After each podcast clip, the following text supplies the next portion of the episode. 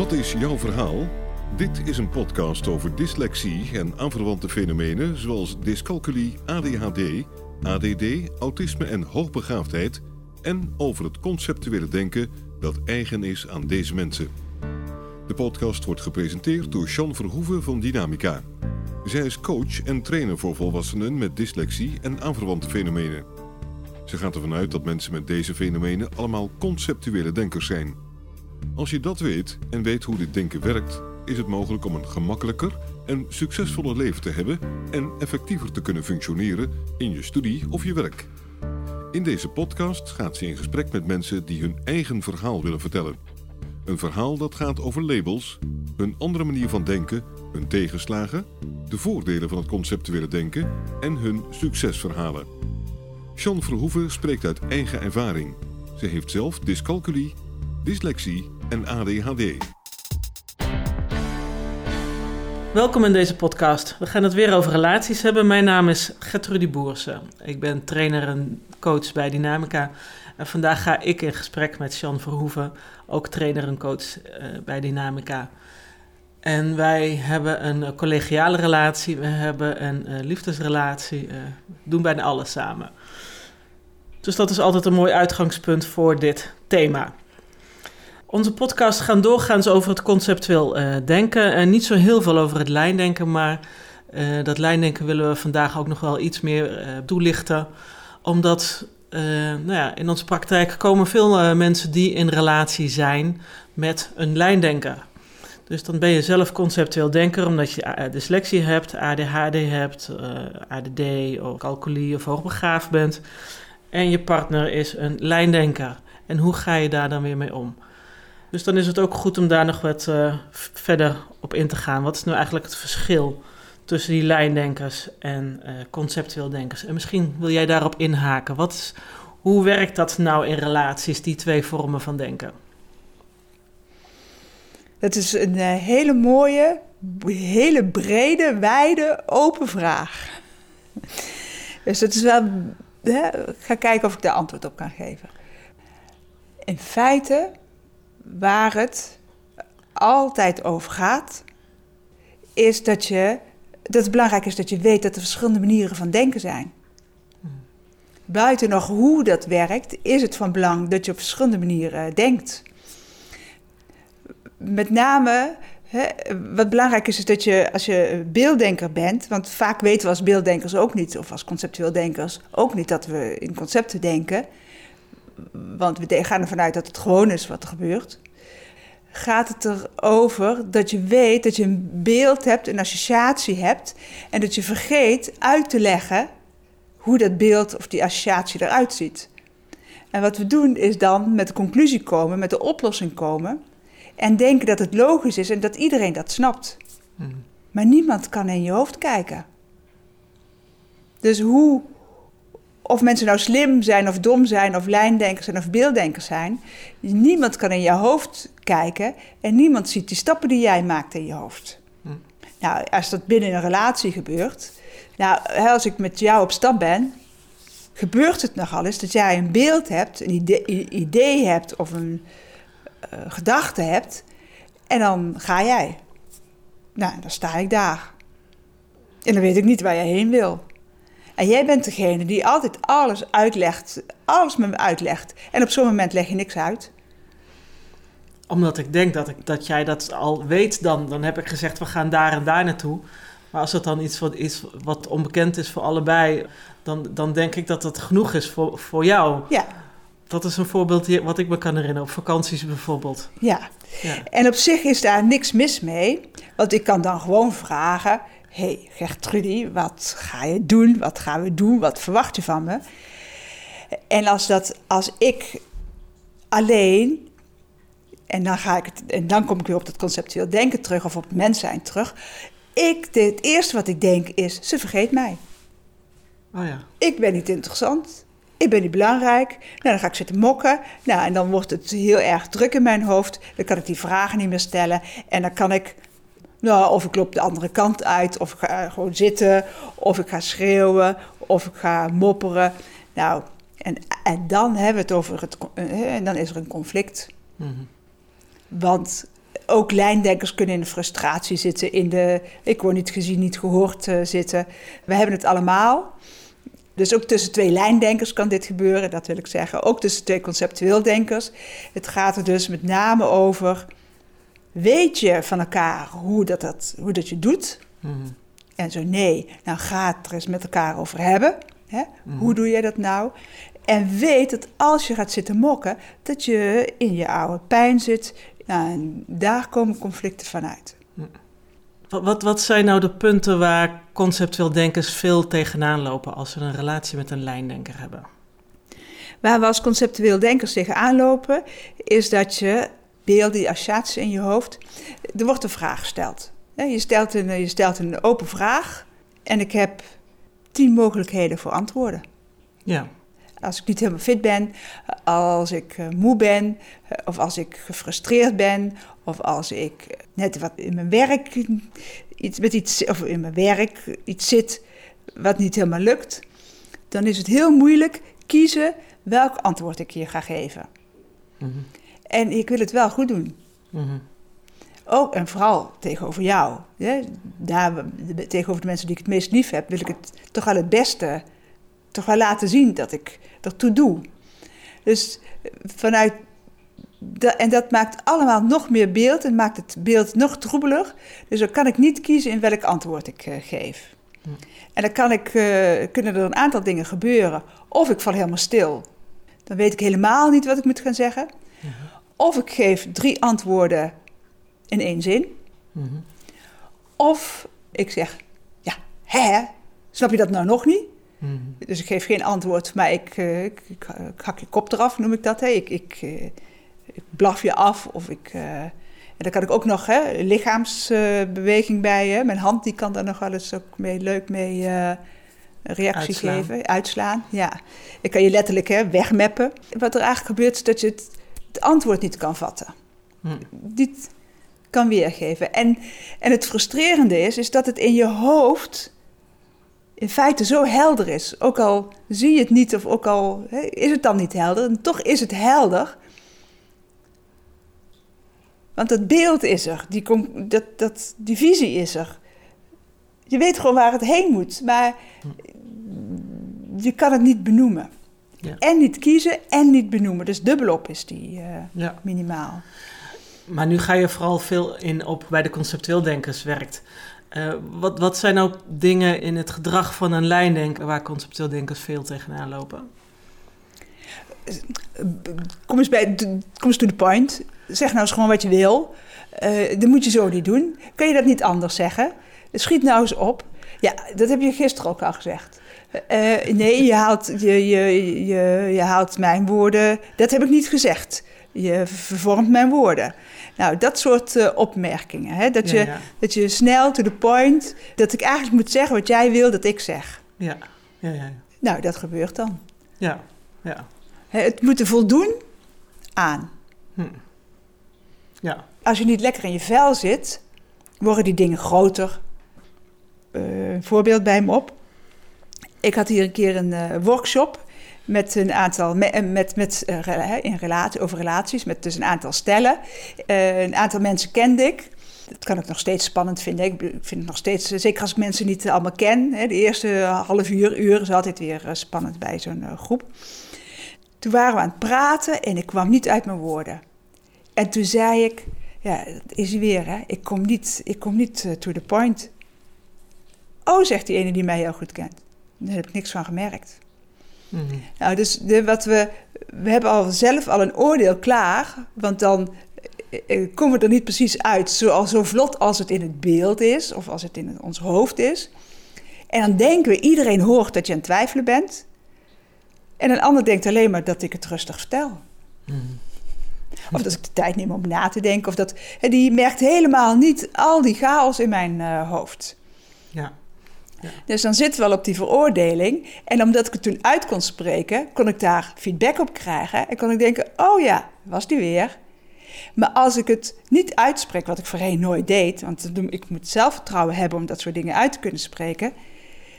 Nou, en als je dat niet uitspreekt, nou, dan wordt het alleen maar een chaos, nog meer chaos in je hoofd. En weet die ander niet waar je mee bezig bent. Ja. Nou, en dan, gaan we die uh, communicatieproblemen krijgen. Ja, dus, dus eigenlijk wat je zegt is het heel belangrijk om dingen uit te spreken ja. naar elkaar.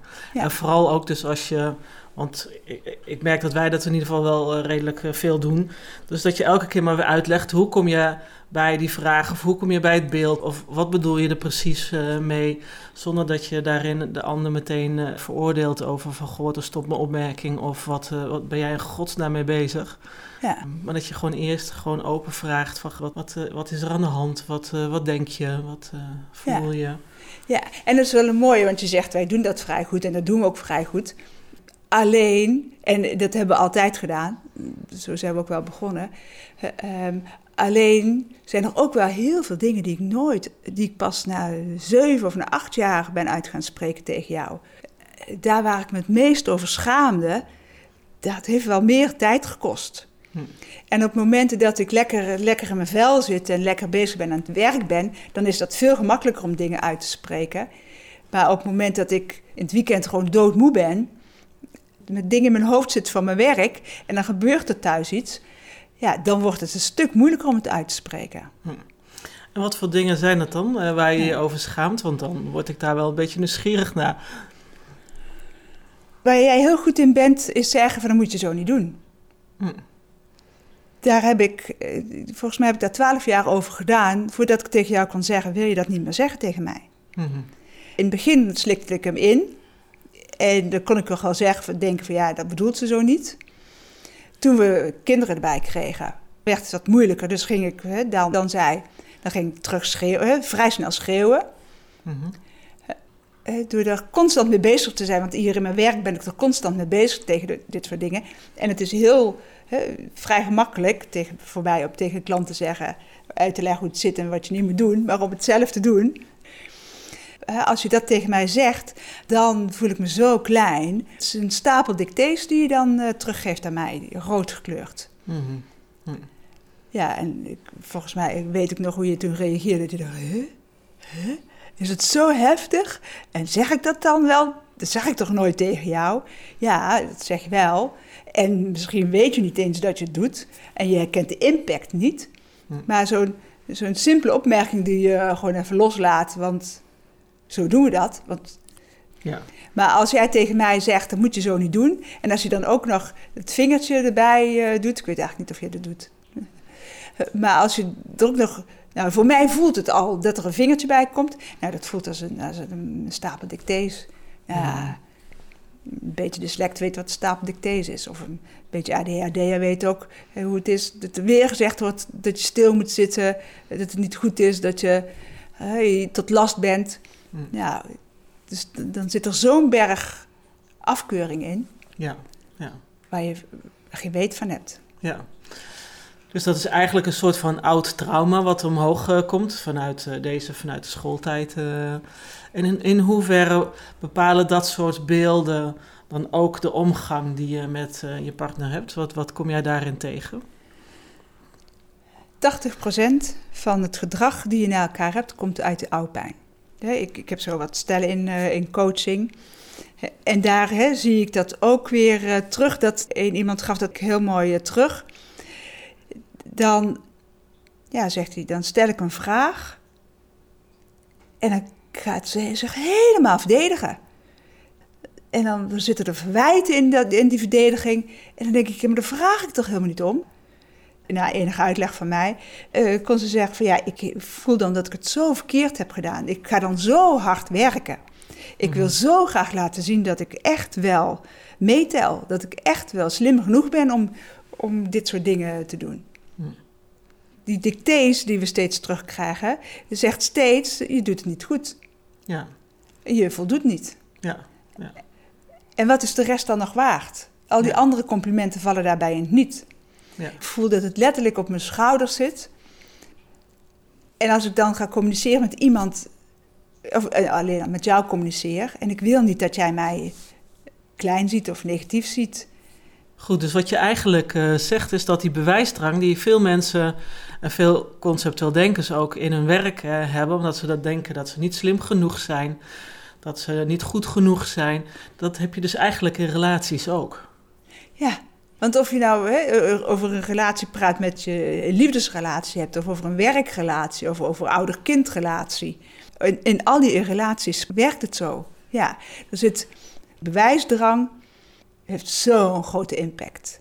Heeft zo'n impact op hoe je over jezelf denkt. Mhm. En hoe je over jezelf denkt, heeft impact op je communicatie.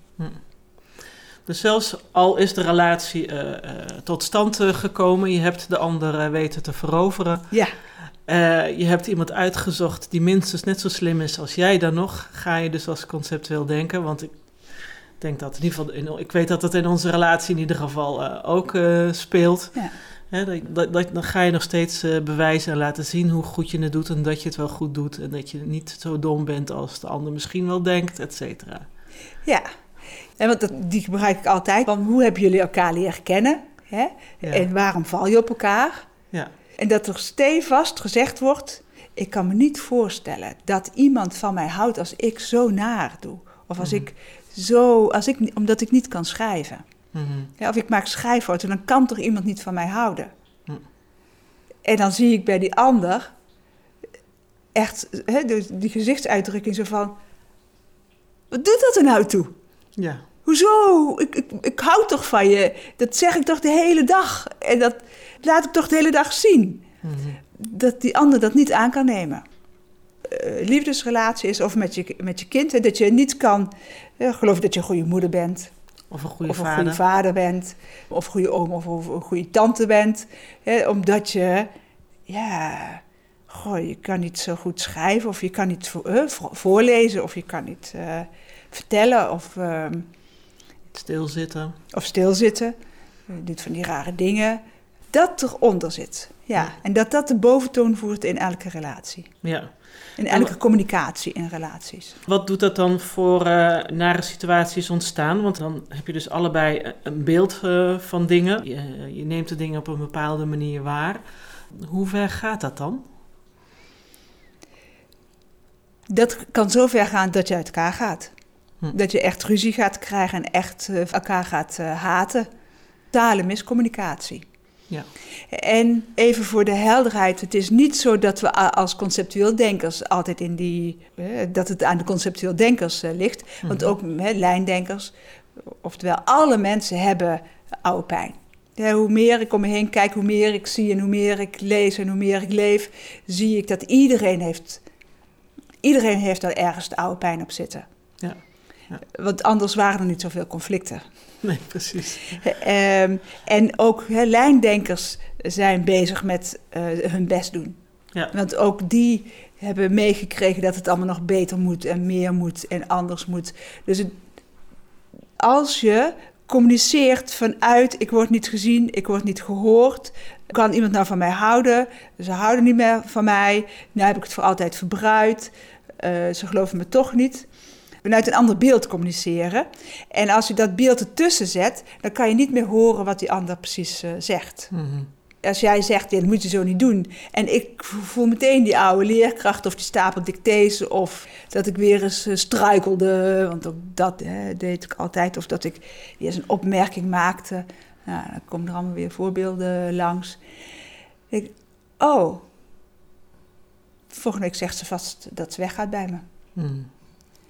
Ehm, en dan ga ik alweer vanuit de gedachte wat de volgende stap zou kunnen zijn, ga ik alweer dingen zeggen die er niet toe doen. Dan ga ik al bij voorbaat spreken. Oh ja, nou eh, hou je niet meer van me. Oh, dan ga je zeker weg. En dan zelf verdedigen. En zeg ik ja, en toen deed je het ook al. En toen deed je het ook al. Dus dan vanuit het beeld wat vooruitsnelt, ga ik oude koeien uit de sloot halen. Oh ja, ja.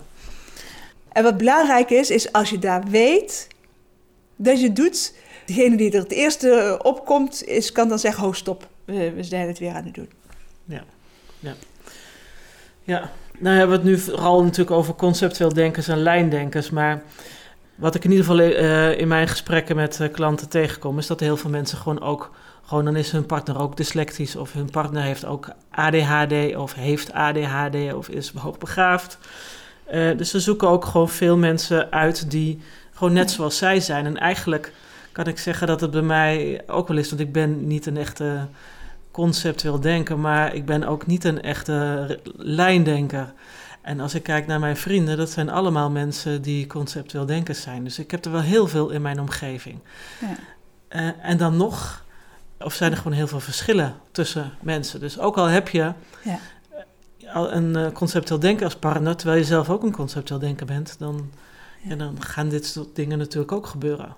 Ja, ja. En het enige wat we gelijk hebben is dat we in concepten denken. En dat we daar hè, niet weten dat we dat doen. En dat we daar niet weten hoe we dat kunnen gebruiken. En Ja. voor de rest zijn we allemaal anders. Ja, Ja. Ik, ik ben zelf in ieder geval ook, ik, ik kan ook goed in beelden denken, Ja. maar mijn beeld is wel echt anders als jouw beeld. Ja, ik verdwaal veel meer in mijn beeld dan jij. Ja, Ja. En jij kan ook wel echt handelen vanuit een beeld. Je kreeg een eh, vraag voor een klankschalenconcert buiten op de hei.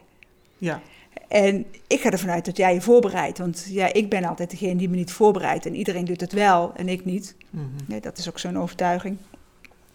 En het is, eh, op zondagochtend was het, dus ik ging met je mee. Het was mooi weer, dus ik, eh, we zijn ook nog wat wezen wandelen. En vervolgens zijn we daar op die hei. En eigenlijk pas achteraf dacht ik... Je weet helemaal niet wat je ging doen. Je hebt helemaal niet... Je hebt een beeld gezien van op de hei spelen... maar je bent niet naar buiten gelopen om te kijken wat de klankschaal doet in de open lucht. Je hebt bleek nog wel redelijk goed te gaan. het, bleek, het ging fantastisch. Maar achteraf dacht ik, je hebt helemaal niet, je hebt helemaal niet voorbereid. Ik ga ervan uit dat jij voorbereidt, waarmee ik mezelf kleiner maak dan jou. En dan denk ik, en bij jou lukt het altijd. Want ik zie bij jou alleen maar alles wat lukt. En bij mij zie ik wat mislukt. Ja, want zo doe ik dat. Dat is ook wel vrij menselijk. En na dit voorbeeld dacht ik, oh je bent ook veel meer een beelddenker dan ik denk. Alleen, je verdwaalt er minder in. Je kan orde maken in teksten. Je kan orde scheppen in, in dat wat je gaat vertellen. Je hebt toch... Je kan veel beter vasthouden wat je gaat vertellen dan ik. Ik kan, ik kan dat niet vasthouden. En dat is ook wel iets wat heel erg bij lijndenkers eh, hoort. Dus dan hebben we gelijk een aantal goede eigenschappen van lijndenkers eh, Ja. benoemd bij deze. Ja. Ja, Ehm, ik, weet, ik weet nu voort dat ik me dan wat kleiner maak dan jou en dat ik jou op een voetstuk zet. En hoe minder ik dat doe, zie ik jou ook steeds meer fouten maken. En zie ik ook dit soort dingen steeds meer gebeuren. Hm. En dan kan ik ook echt genieten. En dan zeg ik, oh, wat fijn dat jij daar ook zo, dat je ook zulke domme dingen kan doen. Dan kan ik weer eh, veel meer ontspannen. Maar dan kan ik het ook weghalen bij jou en veel meer kijken weer dat, dat ik gewoon nog oké ben. Hm. Eén, belangrijk dat je weet dat je allemaal, allemaal oude pijn hebt. Iedereen. Mhm, Twee, belangrijk dat je daarnaar kan gaan kijken, mhm. met of zonder hulp. Drie, dat je weet hoeveel oordeel erop zit. En dat je van daaruit steeds meer beet gaat pakken van, oh ja, wat denk ik nou, wat doe ik nou? En dat je vragen kan gaan stellen en dat je het erover gaat hebben. ja. Al is het maar tien minuten op een dag, dat je tien minuten met elkaar de tijd neemt om eens wat vragen te stellen aan elkaar. Ja, ja. Dus dat is een hele goede tip. Eh, stel vooral heel veel vragen aan elkaar.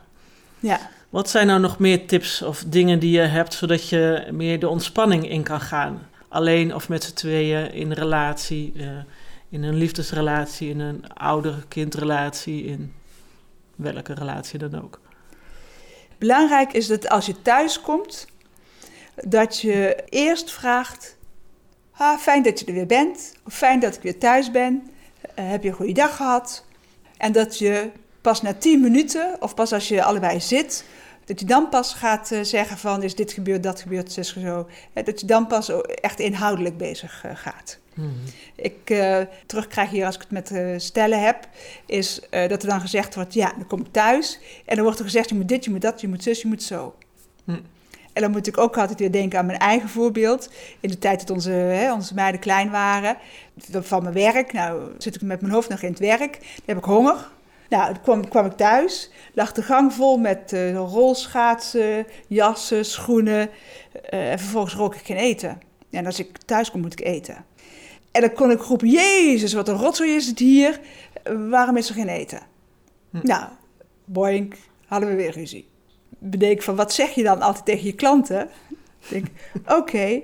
Dus vanaf nu kom ik altijd thuis en zeg ik, hallo, ik ben er weer.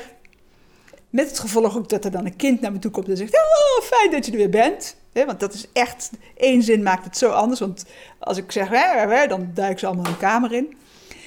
En dan kom ik binnen in de huiskamer en zeg ik, oh, wat ruikt het hier lekker.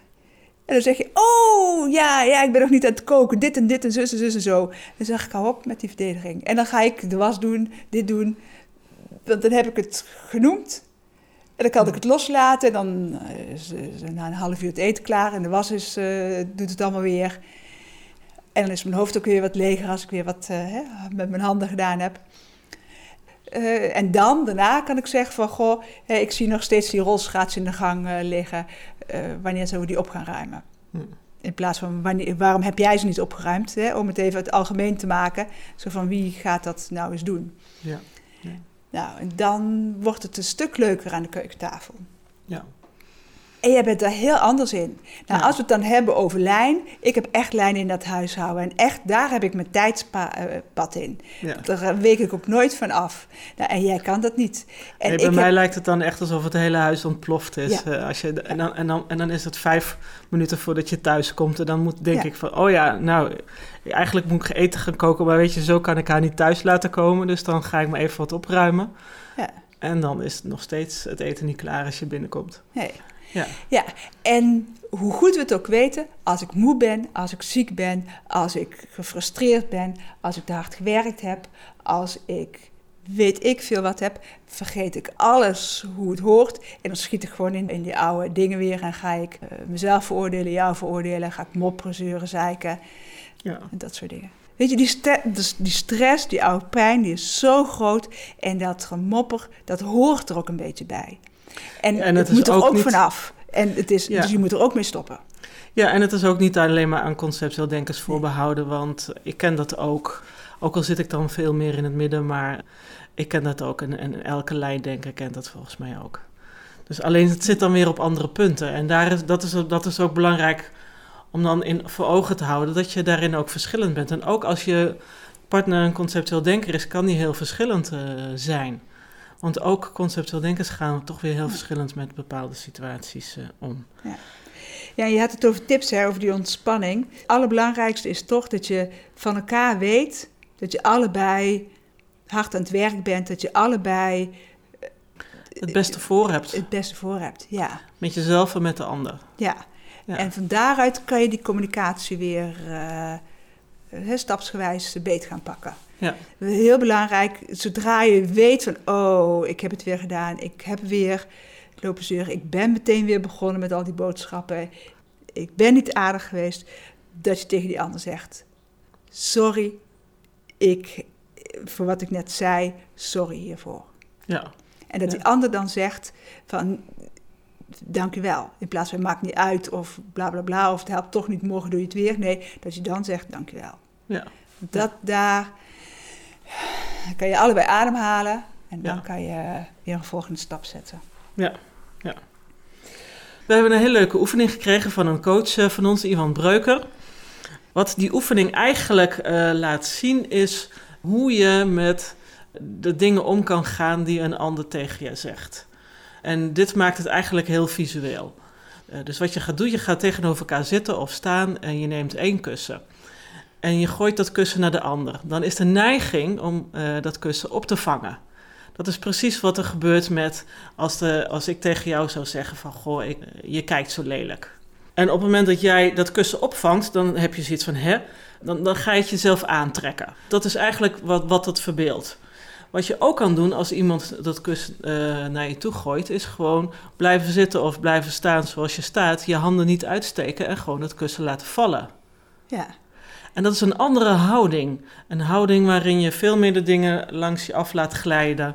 Het gewoon niet aanneemt wat de ander jou toewerpt ja. aan dingen. Of dat lelijke dingen zijn, of nare dingen zijn. Of, uh... En het leuke is, het lijkt een hele simpele oefening. Ja. Maar die is moeilijk. Ja. En vervolgens, als je deze oefening doet, dan, en het gaat lukken, nou, om dan na tien minuten, als er dan weer iets gebeurt, om die kussen weer eens te gooien. Oh ja. Hup, dan vang je meteen weer op. Ja. ja. Nou, om, zo, hè, om die eens een keer te doen. En als je daarvan, hè, als je die oefening een keer samen gedaan hebt, dan weet je waar die oefening voor staat. Als er niemand weer zo in de, in de stress zit of in het moeten zit, dus een keer zo'n kussen gooien. Nou, misschien krijg je hem dan elkaar teruggegooid. Maar vervolgens word je, word je steeds bewuster van hoe aantrekkelijk het is om die kussen op te vangen. En om alles wat maar geroepen en gedaan wordt om dat je aan te trekken. Ja. Ja, en hoe snel je eigenlijk weer in de stress zit. Ja. Ja, en hoezeer we geneigd zijn om de dingen dus aan te nemen. Ja. En persoonlijk te maken en eh, dat het, te denken dat het over jou gaat. Ja. En dat het echt een andere houding is wanneer je het gewoon ja, je handen zo langs je heen laat hangen. En je schouders los laat hangen. En gewoon dat kussen laat vallen op de grond. Ja. ja, en zonder schuldgevoel dat kussen laat vallen. Ik ben ongeïnteresseerd als ik het niet opvang. Ja. En deed die oefening een keer met een groep. Ook iemand van, ja, maar de liefde moet ik toch wel opvangen. Ik zei, nee, daar gaat het niet over. Het, het gaat niet over dat het niet de liefde is. De rotzooi moet je laten gaan. Hm. En als iemand tegen je zegt van, ik hou van je. En je zegt, dankjewel. Wat fijn om te horen. Dan kan je hem aannemen. Hm. Maar als je het dan moet omarmen, het vast moet pakken. Dan ben je eigenlijk ook alweer een, bezig met je best doen. Hm. Dus dat, Of het niet willen verliezen. of niet willen verliezen. Het is een, een vrij simpele oefening. Er zit heel veel achter. Probeer Stop- het uit thuis. Ja, probeer het uit. En met, hè, in je liefdesrelatie, ook naar ouder-kind. Want daar zit ook altijd eh, een hele Va- ja, terug. vader en moeders. eh, Ja. Hè, eh, als je nog steeds eh, aan het bewijzen bent naar je vader eh, dat je het goed kan. Of dat, Ja. dat de weg die jij hebt gekozen de jouwe is. Ook al zou hij dat niet hebben gedaan. Ja. En als hij daar dan opmerkingen over maakt. Oké, laat het maar gewoon weer naast je rollen. Ja, dat zijn de verwachtingen van de ander. En als je die niet had uitgesproken, dan, eh, dan kan jij daar niet zomaar aan voldoen. En als je hier behendig in wordt, dan kan je ook hè, partner of een collega te vragen van, en te zeggen van... jij bent mijn leidinggevende, gooi eens die kussen, zodat ik het eh, los kan laten. Dus je kan Ja. daarin ook nog andere rollen aannemen. Goed, heb je nog andere tips? Dat is over dat, eh, hoe je naast elkaar gaat zitten. Ik had, eh, er was ook weer een eh, gesprek met een, een stel. Er was ook een kind eh, bij. En eh, een van de partners moest huilen. Dat kind raakte meteen in paniek. En die ging lelijk doen tegen die andere. Toen zei oh ja, nou dit gebeurt nu altijd. Krijg ik de schuld als dit gebeurt? Toen heb ik gezegd, want ze zaten in de verkeerde volgorde. Ja, En het kind zat er tussenin. tussen de tussen de- vader en de moeder in. Tussen de vader en de moeder in. Ja, eigenlijk heb je een soort van tafelschikking in, in relaties en zeker ook in gezinnen. Eh, de schikking is als volgt dat het gaat altijd met de klok mee. Dus je hebt een bepaalde hiërarchie in een gezin en dat gaat met de klok mee. Dus degenen die er het eerste zijn, die staan eh, op een plek. En bijvoorbeeld de kinderen in de volgorde van hoe ze zijn gekomen, die staan aan eh, de linkerkant van, van de tweede ouder. En links van dat kind, van het oudste kind, staat het jongste kind. Zo, dus als ouders moet je ook altijd zorgen dat een kind niet tussen je in eh, gaat zitten. Zeker niet als er eh, ruzie is. eh, want dan gaat het kind, wordt het letterlijk gewoon gesandwiched en gaat hij zich op een bepaalde manier gedragen, want dat vindt hij ook niet fijn. En de relatie tussen twee partners, dat is als volgt. Degene die zeg maar, het kader schept voor de relatie om te kunnen bestaan, financieel gezien. Dus degene die de kostwinner is, die komt vaak op de eerste plek. Dat is in de regel heel vaak de man. Als de vrouw de kostwinner is, dan kan het zijn dat de vrouw op de eerste plek staat. En dat de man aan de linkerkant van de vrouw eh, staat.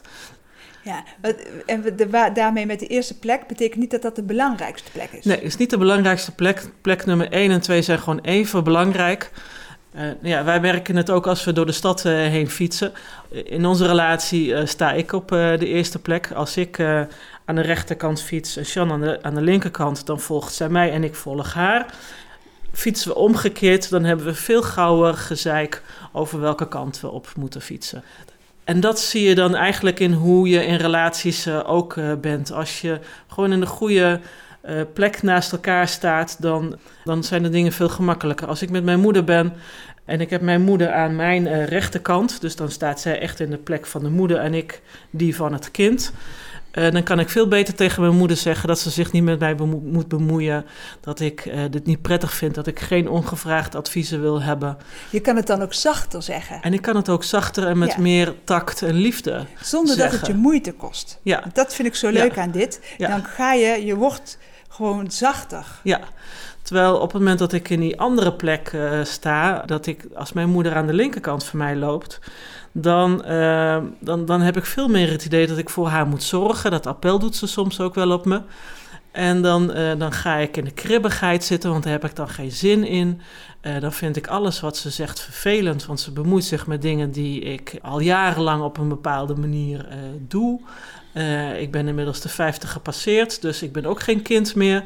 nou, dan krijg je allemaal dat soort gezeik. Ja, ja. Dus op het moment dat mensen in een goede positie ten opzichte van elkaar zitten, dan kan je zachter, vanuit een zachtere en meer liefdevolle manier, toch gewoon die dingen zeggen die je te zeggen hebt. Ja. Dus het gaat erover dat je de rol hebt. En dan wel leuk, want wij we zijn met twee vrouwen. Jij bent jonger dan ik. Ik maak meer uren dan jij, dus in feite verdien, hè, verdien ik meer geld. Ja. Alleen, jij bent echt de uitgaande rol. Jij zorgt, jij zorgt ervoor dat ik mijn geld kan verdienen. Ja. Hè, dat ik mijn uren kan maken. Ik doe de PR, ik doe de website, ik hou alle contacten bij, ik doe de boekhouding, ik doe... Uh, uh, ik zorg dat, dat, dat alles geregeld is en dat alles gedaan kan worden. En binnen dat, binnen dat kader kan jij dan weer uh, aan de slag. Ja, dus ik ben de tutter, ik noem het altijd maar gewoon, en jij de uitgaande kracht. Nou, daar gaat het over. En als we daarin gaan wisselen, dan zijn we allebei heel ongelukkig. Ja. En als je gaat doen wat je rol is, dus in je rol, je rol tot je mag nemen, welke die dan ook is. Nou, dat ga je maar leuk aan de keukentafel uitproberen. Ook met je leidinggevende. Nog zonder dat je het kan benoemen, kan je hè, anders gaan zitten. Net even anders gaan zitten, waardoor dan zal je merken dat, je, dat er meer ontspanning komt. Ja, dus een leidinggevende heb je altijd aan je rechterkant. Ja. Want die is in de organisatie weer ja. boven jou eerder. Ja, dus Die, als, je, als, je, als je die aan je rechterkant houdt, dan zal je zien dat het gesprek vaak een stuk beter alweer gaat. En om nog even terug te komen op dat stijl wat ik uh, toen hier had. Ik zet ze anders neer op die stoel. Vervolgens, uh, het kind raakt uit paniek. Uh, die loopt weer terug naar de plek en die gaat weer zitten spelen. Hm. En wat gebeurde er met de meldende vrouw? Ze gingen allemaal weer veel meer op zichzelf staan. Hm. In plaats van bezig zijn met die ander. Ja, ja. Goed. heb je nog andere tips? Boekentips bijvoorbeeld? Boeken gelezen. Ik heb, en over, als het over communicatie gaat, maar heb ik drie boeken. De eerste, die heb ik als laatste gelezen, maar die vertel ik komt als eerste. Dat is Mijn Verhaal. Becoming is van Michelle Obama. En dat boek gaat heel erg over hoe zij haar gezin bij elkaar heeft gehouden in die tijd dat ze... Hè, in het Witte Huis zaten. In ja, in het Witte Huis zaten. En al, hè, al voor die tijd, want haar man die was gewoon nooit thuis. Uh, zij zit heel erg op het gezinsniveau met haar uh, verhaal. En dat beschrijft ze ook heel erg mooi. Ik moet wel zeggen, de eerste paar hoofdstukken heb ik wel heel snel gelezen, want dat begint pas zo tegen die tijd dat ze Obama tegenkomt. Het tweede boek is Nelly, Alice Pechtel. Die heeft een autobiografie geschreven over Nelly Smit. En die gaat over politiek, over haar, over de communicatie binnen de politiek en over vrouw zijn binnen de politiek ook. Echt collegiaal niveau. Obama gaat over gezin. Uh, Nelly gaat meer over landelijk en Europees. Nelson Mandela, de, de lange weg naar vrijheid. Dat gaat over wereldpolitiek. En hij heeft er 40, 50 jaar over gedaan te bereiken wat hij wilde bereiken. Met deze drie boeken geven op drie niveaus aan hoeveel tijd het kost en hoeveel werk het kost om dingen te bereiken. En het gaat allemaal over communicatie. Nou, en wat wel, wat wel leuk is als conceptueel denkers, we denken iets en we denken dat is morgen klaar. Hm. Nou, vergeet het maar. en met dit soort boeken dringt dat steeds meer en meer tot me door. Ook al blijf ik denken dat het morgen geregeld moet zijn. Maar, um, dus ik zou zeggen, veel plezier met uh, deze drie totaal verschillende boeken. En alle op zichzelf zijn het allemaal weer hele mooie. Uh... Mag ik dan nog één ding als uitsmijter uh, vertellen? Dus als je dat zo zegt, dan doet me dat ook heel erg denken aan, aan, wat ik als, vaak ook als verschil beschrijf tussen lijndenkers en conceptueel denkers. Dat die conceptueel denkers alles erbij halen als ze een opdracht krijgen van je moet van Amsterdam naar Utrecht rijden, dan moet het voor die conceptueel denkers in een Mercedes. Hè, dan moet je bij wijze van spreken naar Utrecht glijden en allemaal Ja. knopjes overal en eh, luxe. En eh, dat is het beeld wat ze erbij hebben. Althans, het beeld is zo groot Dat het gemakkelijk... dat dat, dat, dat, dat, dat, dat te vergelijken is met de, met de Mercedes. Terwijl die lijndenker iets, iets heeft van, nou weet je, als ik het zo en zo aanpak, dan is het genoeg. En dat vergelijk ik dan altijd met een Fiat Panda. En met een Fiat Panda kom je ook in Utrecht aan. Alleen Ja. het verschil is, is ontzettend groot in, in, in het beeld wat, wat er natuurlijk Ja. bij is.